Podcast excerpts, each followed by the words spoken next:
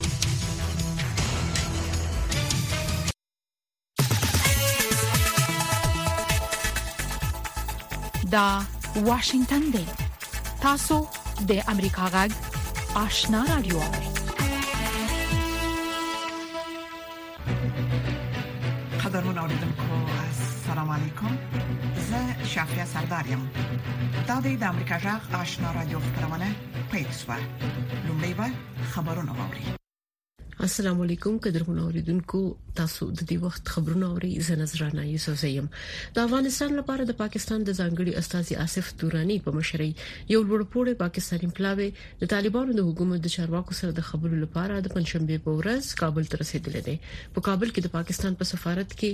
یو لوړپوړي پاکستاني ډیپلوماټ امریکا غکته د خغلی دوراني په مشرۍ د یو لوړپوړي پلاوي سفر تایید کو خو په دې اړه د نورو جزئیات ورکولو نه ډډه وکړه اسلام آباد کې ځینو پاکستاني سرچینو امریکا غکته ویلي چې ټاکل شوې د پلاوي په کابل کې د خپل سفر په مهال د طالبانو د حکومت د لوړ پوړو چارواکو سره د افغانستان او پاکستان په حالاتو خبري وکړي د طالبانو حکومت لا تر اوسه دغه پلاوي د سفر په اړه رسنیو ته سندې ویلي د افغانستان لپاره د امریکا د متحده ایالاتو د سفارت شارژ دافیر میرمن کارن ډیکر وایي چې په دوه کې د طالبانو د حکومت د یو تخنیکی پلاوی سره په افغانستان کې د نشي توکو سره د مبارزې په برخه کې په ګډو اندېښنو او افغانانو ته د ملاتړ د برابرولو په لارو چارو خبرې کړې دي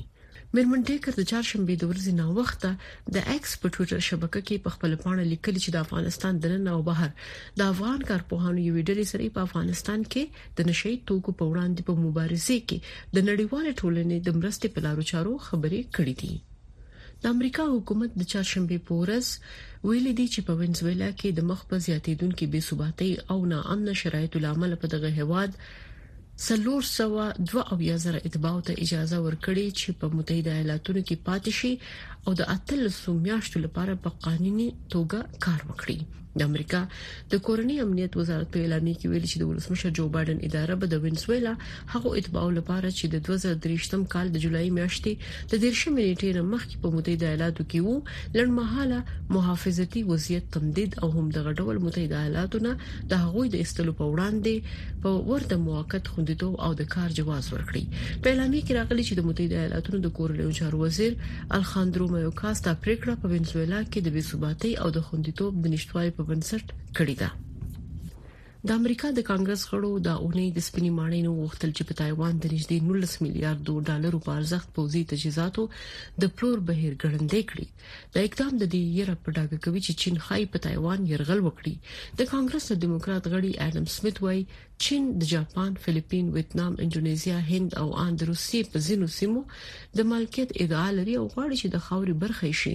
هغه وایي چې دوی په زور کولای شي تایوان ته لاړ شي دا به ورستۍ ځای نه وي چې دوی هڅه کوي د زور لاري د خپل خاورې برخه کړي د آذربایجان او ناګورنو قرهباغ سیمې د آرمینی توکمه بیلتون غوښتونکو ترمنځ د پنځشنبه په ورځ د سپټمبر 21مه د سولې لومړنۍ مخامخ خبرې وشوې آرمنی بیلتون غوښتونکو د چهارشنبه په ورځ وروسته له هغه چې آذربایجاني ځواکونو د ناګورنو قرهباغ سیمه کې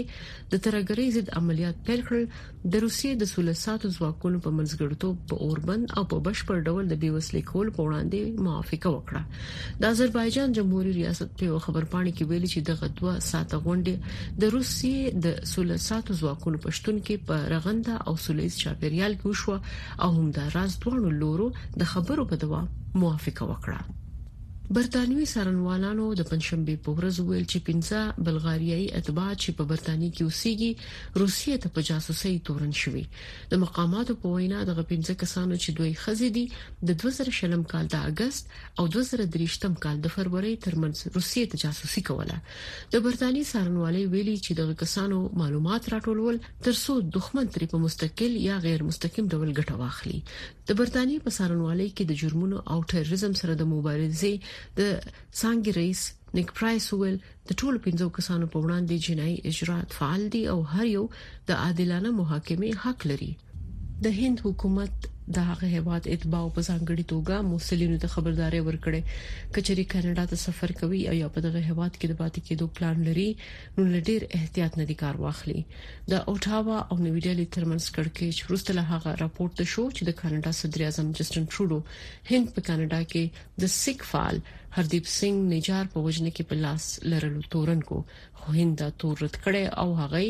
بې اساس بلل دي د هند بهرنو چارو وزارت په اعلامیه کې ویل غواخونه په ځانګړي ډول ډیپلوماټانو او د هندي ټولنې هغه برخو ته زیر دي چې د هند ضد ایجنډا سره مخالفت کوي او په پاکستان کې د انتخاباتو کمیسن اعلان کړی دی چې انتخابات په روان کال د جنوري په میاشت کې وشي د یادونې وړ ده چې په پاکستان کې قامي اسمبلۍ د 2023م کال د اګست په میاشت کې منحل کړې شوې او د پاکستان د اساسي قوانینو په اساس باید دغه انتخابات په نوي ورځو کې د نن د نن وشوي درنوریدونکو دا خبرونه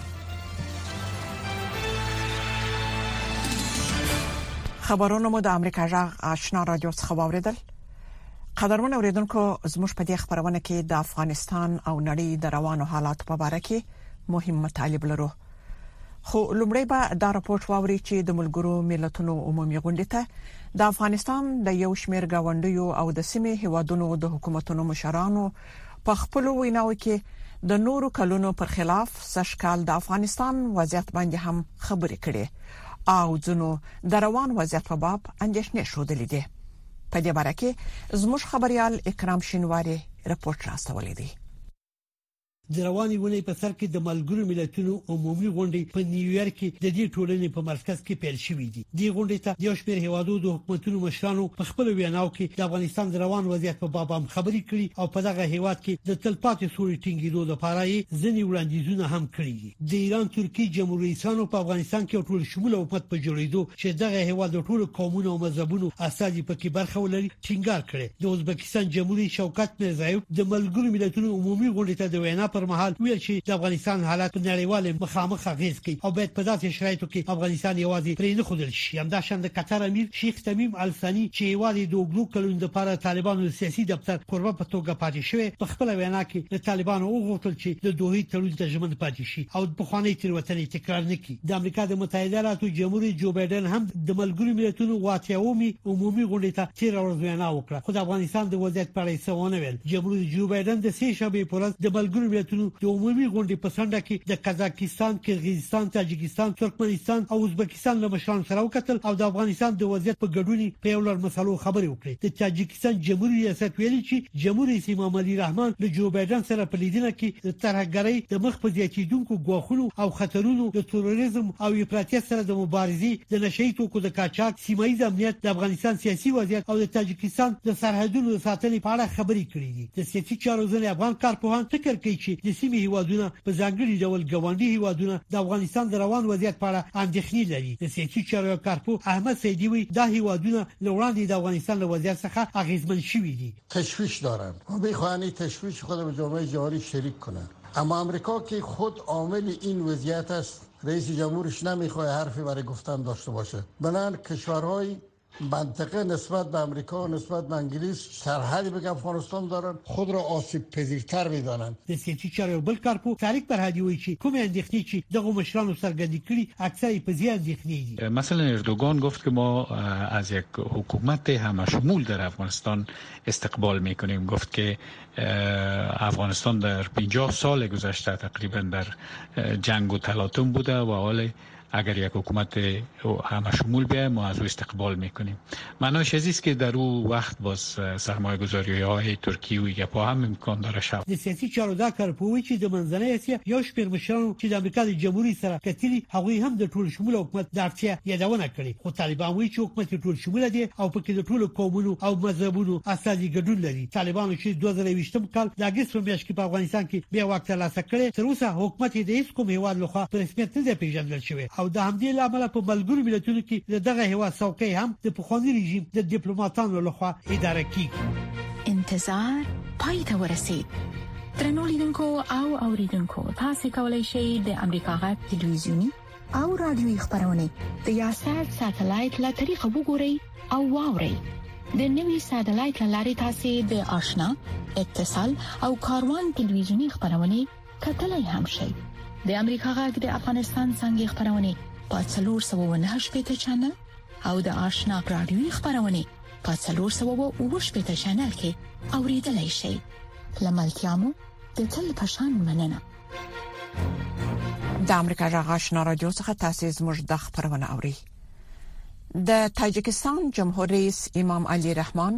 د ملګرو ملتونو په عمومي غونډه کې وویل چې په تیرو دوو کلونو کې د نشئی موادو قاچاق په خاص ډول له افغانستان څخه زیات شوی دی امام علي رحمان د سولې او ثبات لپاره د بین الافغاني خبرو پر پیلېدو هم ټینګار کړی نور تفصيل پر پورت کې ووري روسیې سخت مخالفت کاوه خو د ملګرو ملتونو د اصولو سره سم د غونډې په درېیمه ورځ د سرمشريزي لومړنۍ ویناوال د اوکراین ولسمشر ولادمیر زيلنسکي وو زيلنسکي نه یوازې د مسکو تیری وغاند بلکې د امنیت د شورا د ویټو سیستم هم ناقص وباله چې روسیې ته ګټه رسوي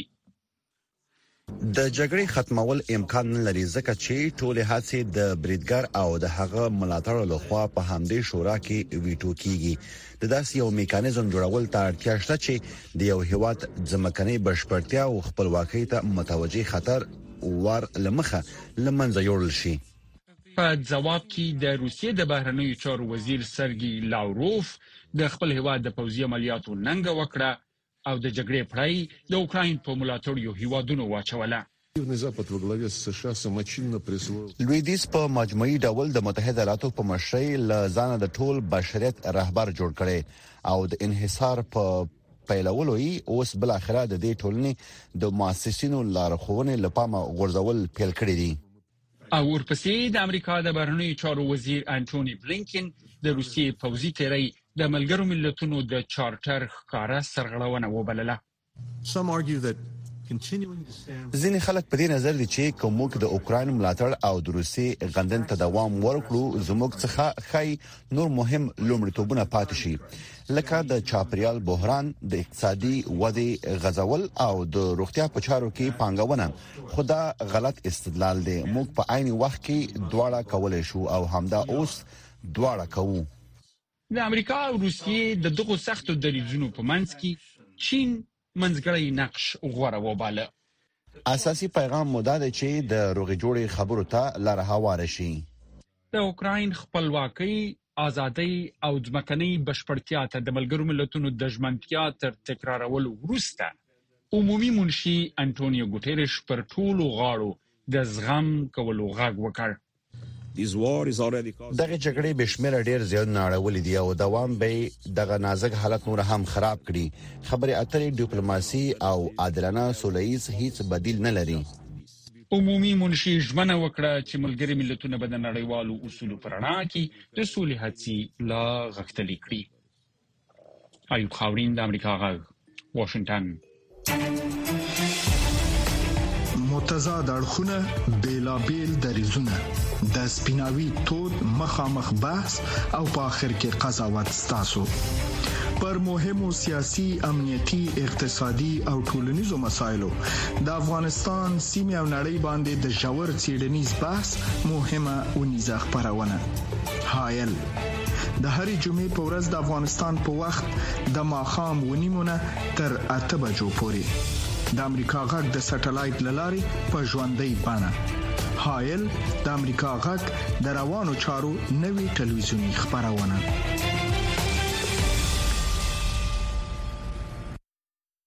درنوریدونکو د افغانستان لپاره د امریکا شازدافیره کیرن بیګر وایي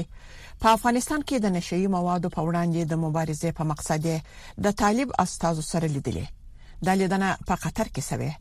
د بل خو د افغانستان لپاره د امریکا ځانګړي استاد ټام ویست په بشري چارو کې د ملګرو ملتونو د همغږي کوونکو مارتن ګریفیتس سره د افغانستان پر بشري وضعیت خبرې کړې دي د دواړو مهمو لیدونو تفصیل د سمیع الله جلال څخه واوري د افغانستان لپاره د متحده ایالاتونو د سفارت شارزافیر کرن ډکر وای په دوه کې د طالبانو د حکومت له یو تخنیکی پلاوی سره په افغانستان کې د نشي توکو سره د مبارزې په برخه کې په ګډو اندېښنو او د افغانانو د ملاتړ په لارو چارو بحث کړی دی میرمن ډکر زیاته کړې په دې لیدنه کې د نشي توکو په لمنځه وړلو منع کېدو د معتادینو درملنې او بدیل معیشت په اړوندو مسایلو او په دې برخه کې د ښځو پر ونډې خبرې کړې دي موږ د ملګرو ملتونو او نورو شریکانو سره افغانانو ته ملاتړ د برابرولو او د ناقانونه نشي توکو د لعنت د لمنځه وړلو په برخه کې کار ته سترګې په لار یو تر څو نشي توکي په یو ځل او د ټولو لپاره د منځه لاړ شي که څه هم میرمن دکر نه دی ویلي چې په دې ملاقات کې له کومو طالب چارواکو سره کتلې خو زیاته کړې ده چې افغانان او نړۍ د اوږدې مودې راهیسې د نشي توکو له ناورین سره مخ دي د امریکا ترمنځ په ځینې برخو کې چې امارت اسلامي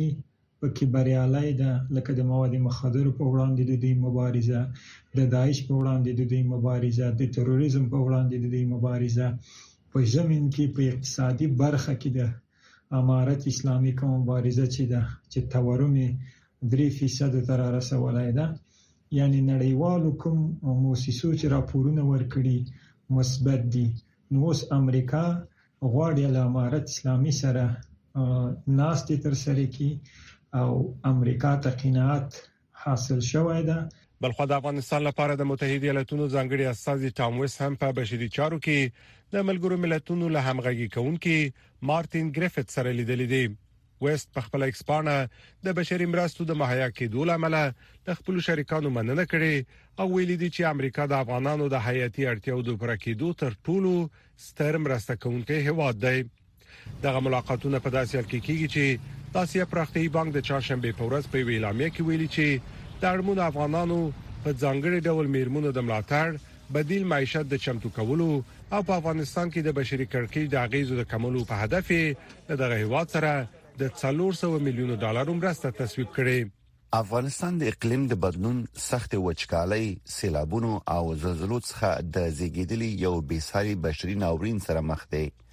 د اټکل لمخې د دغه هیواد د نفوس اتیا سلنه د لوګي د کرخې لاندې ژوند کوي خځې او ماشومان په ډیر غیر متناسب ډول اغیزمن شوي د اسیا پراختیايي بانک د اعلامیې له مخې د دغو پیسو سل میلیونه ډالر به یو اعشاریه دوه دېرش میلیونو کسانو ته د خوړو د برابرولو په هدف په افغانستان کې د خوړو نړیوال پروګرام ته ورکړل شي د امریکایي چارواکو په وینا اوس مهال د افغانستان کابو نه ویش میلیونه وګړي د ژوندي پاتې کېدو لپاره خوراکي توکو ته اړتیا لري سمي الله جلال زای د امریکا راګ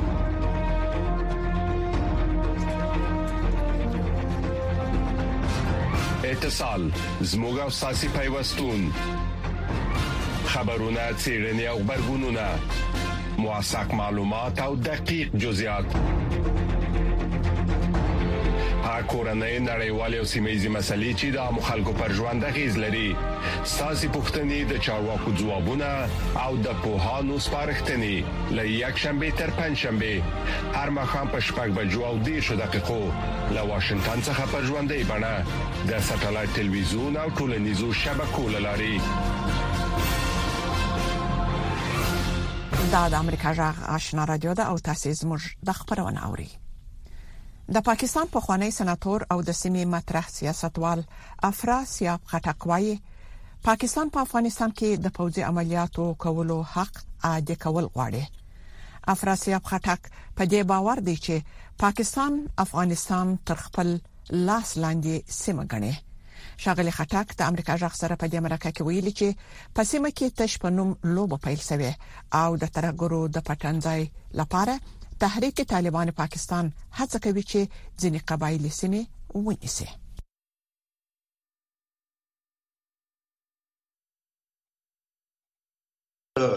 پاکستان د لړمحالي حکومت صدر اعظم انور الحق کاکړ ویل چې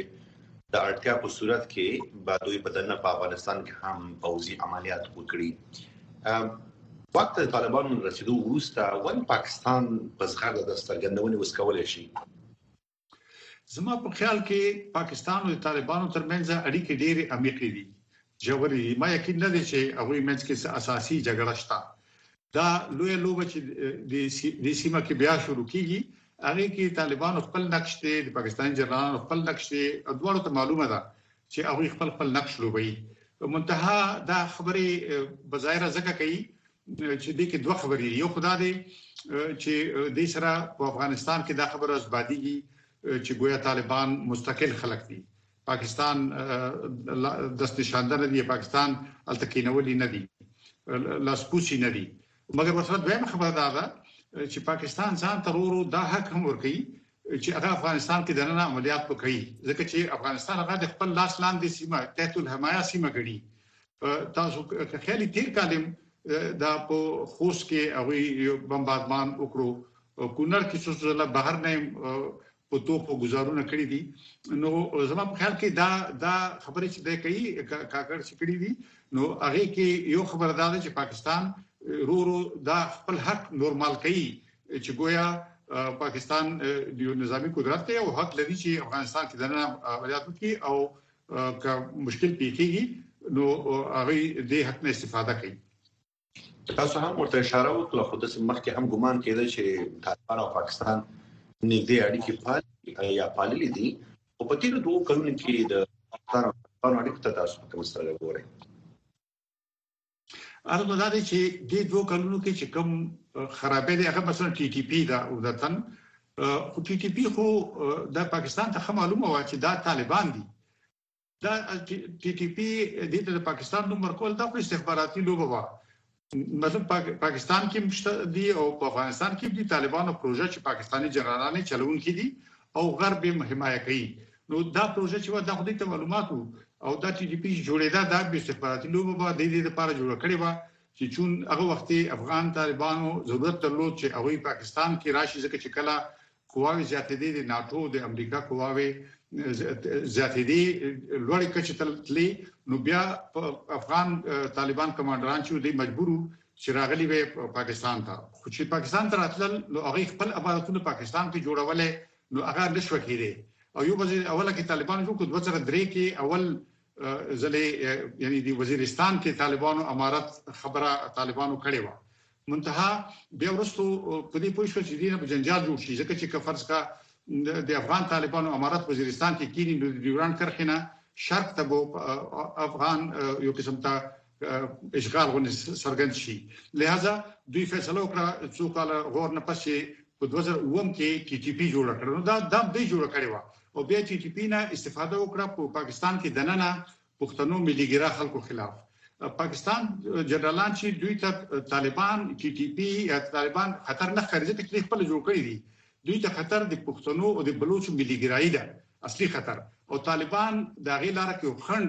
دی او طالبان د دوی ځواب دی هغې خطر ته نو لهذا په دې خبره پوهیدل ډیر ضروری دی اپا په چترال کې هم ټي ټي پي څو زمخ بدون وکړل فکر کوي چې ټي ټي پي پیاوړې شوې ده یا په سیمه کې د پاکستاني ځواکونو حضور کم دی کوم بل لور روان ده زما په خیال دا دغه لوی لوبي برخه ده چې ما تاسو ته مخکې خبر وکړه دا تاسو په نوم لوی لوبه چې دا په هغه کې دا مهمه ده دا څوک خیال وی په دې پاکستان فوج سره چې مذاکرات کوي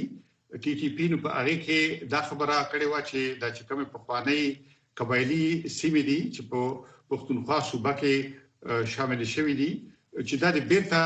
په اداري توګه باندې جلا کړې شي نو داسې ښکاري چې پاکستاني جنرالان هم د دې خلاف نه دي خو په ظاهره د یو بل ته مخالف دي منتها ځکه چې دوی غواړي چې دلته به یو پټ ځای د سي جوړ کی چې هغه کې افغانستان کې او مرکزی اسیا کې او د سیمه کې چې کم ترګری نوي لوبي دي هغه ته یو پټ ځای پکار دی نو ځنې سیمې به طالبان او ټي ټي پي غواړي چې هغه ونیسي اشغال کړي او پاکستان فوج به ورکی ورته. د بدلون پر مهال کله چې د نړۍ وضعیت څرګند نه وي او کله چې اوریدل له عیني واقعیتونو سره سمون نه خوري موږ په حقیقت پسې ګرځو کله چې موږ ته د یو موضوع یوازې یو اړخ بیانېږي نو باور بایلو د ناورین پر مهال د یوې ښې راتلونکې لپاره زموږ خوبونه تم یو هلي پر آزادو مطبوعاتو تکیه وي د امریکا غږ پر چپو موږ هغه خبرونه خبرو چې خلک د لیدلو لپاره غواخونه مني موږ نړۍ سره وسلو او د حقیقت په ویلو یو موټی کوو د امریکا غږ لاري موږ بشپړ انزور درکو قدرمن اوریدونکو ترکیه اروپا ته پر لار د وجل سوو کډوالو لپاره هدیره جوړې کړې دي د ترکیه حکومت دغه هواد دوان په شار کې په سلګونو وجل سوو کډوالو ته دوی هدیرې جوړې کړې نور حال پر راپور کې واوري دا د هغو مسافرو قبرونه دي چې د مرګ لويري او یا د ښه ژوند په لټه کې اروپאי هیوادونو ته په لار وو خو قسمت ور سره یاري و نکړه او اوس یې آن شناخت بینومه دي په سیمه کې د کډوالو چارو فعالان وایي چې دا یوازې هغه وژل شوی کډوال دي چې د ترکیه پولیسو موندلې دي او دلته یې خخ کړي چې دا د هر وژل شوي کډوال برخلیک نه دی. اروپا ته په لار د زرګونو کډوالو مړي ورک دي. په وان کې او د وان په ښار په یو څنډه کې دلته هدیره ده او دلته هغه ځوانان دلته خخ دي او د زیاتره نور ځوانان چې ورک دي لا درکه دي دا خو هغه دي چې ترکیه پولیسو ته پلاس ورغلي دي او دلته راوړي دي او هغه کم ته مراحل ورته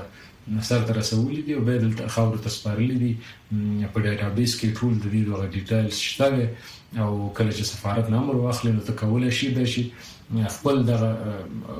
مړ یا مثلا د خپل کس مشخص کی همدغه سي هغه ځوانان چې په دې لارو کې زناور خړلې دي همدغه سي په واورو کې بند پاتې شوی دي د دې پښتنه نه ده شوی او نه کیږي که څه هم اروپا ته غیر قانوني، سختې او شاړې لارې د کډوالو ژوند په خطر کې اچوي،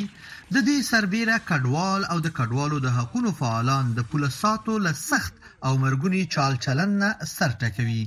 او وايي چې پولیس کډوال ځوروي، وهي، ټکوي یې او آن د ټوپک په ګولیو یې په نښه کوي. ورځې ښه ډېرې دومره ډزې او ځینې هلکان چې و ډېرې ونیول نو وهل مهل ښه زیات هر څه پکې و نو چا خوا او چا لاس او چا یو ځای او چا بل ځای دا ژن مکمل سیستم یې لکه وضعیت ډېر خراب و نو بیا چې مونږ کروان ته راوسو وانه دې پر چې راتللو مونږ نو لاره کې بس ایزروم پر چې راتللو نو دلته مونږ کمینه خوړه چې په اول ځل موږ چې نیولو په شي دغه ملګری لږ ولې د کمر نه ولې د ګړنګونه په شي خپل اند سره ولې د لاره کې تر دې وړاندې د اروپا د سرحدي امنیت یوې ادارې ویلي وو چې په روان میلادي کال کې اروپایي هیوادونو ته د کډوالو تګ دوه چنده ډیر شوی او په تیرو څو میاشتو کې د کښتیو چپې کېدو پیښې هم ډیرې شوي ملګرو ملتونو هم ویلي وو چې د دوه زره څوارلس کال راپدیخوا په ټولې نړۍ کې څه باندې پنځوس زره کډوال د ښه ژوند په لټه کې مړه شوي دي. احسان الله ریوزی، امریکا غږ، واشنګټن.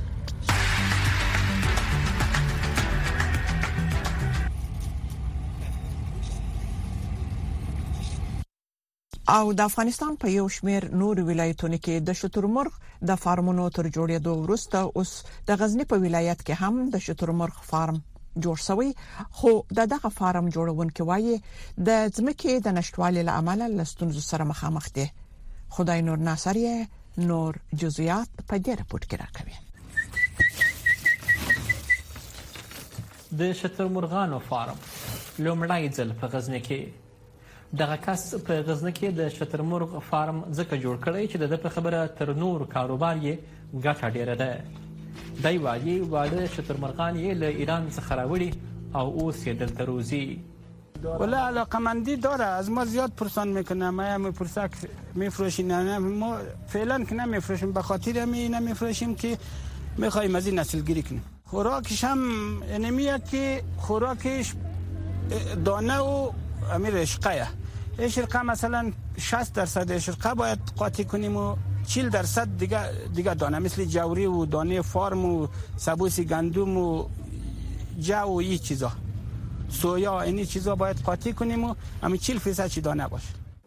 دی وايي، د شترمرغ فارم مصرف لږ دی او ګټه یې زیاته ده، خو زیاتوي، د مځکې د کموالي له امله له ستونزو سره مخامخ دی او له واکمنو یې همدا غوښتنه ده. ایسان بسیار صنعت خوبه بسیار صنعت پیشرفته یا مثلا نگهداریش هم خیلی آسانه ما برای مردم هدایت داریم که باید از یا نگاه کنه و بسیار یک چیزی کم مصرفه خیلی چیزی خوبیه حمایت دولت تالاک حمایت نکرده امی وعده داده برای ما که زمین میدیم و جای میدیم و اینا برای ما وعده داده هم هلته په غزنه کې ځایي چارواکي وایي دوی له ټولو هیوادوالو سره همکارۍ ته تیار دي خو زیاتوي دوی ته دې مراجعه وکړي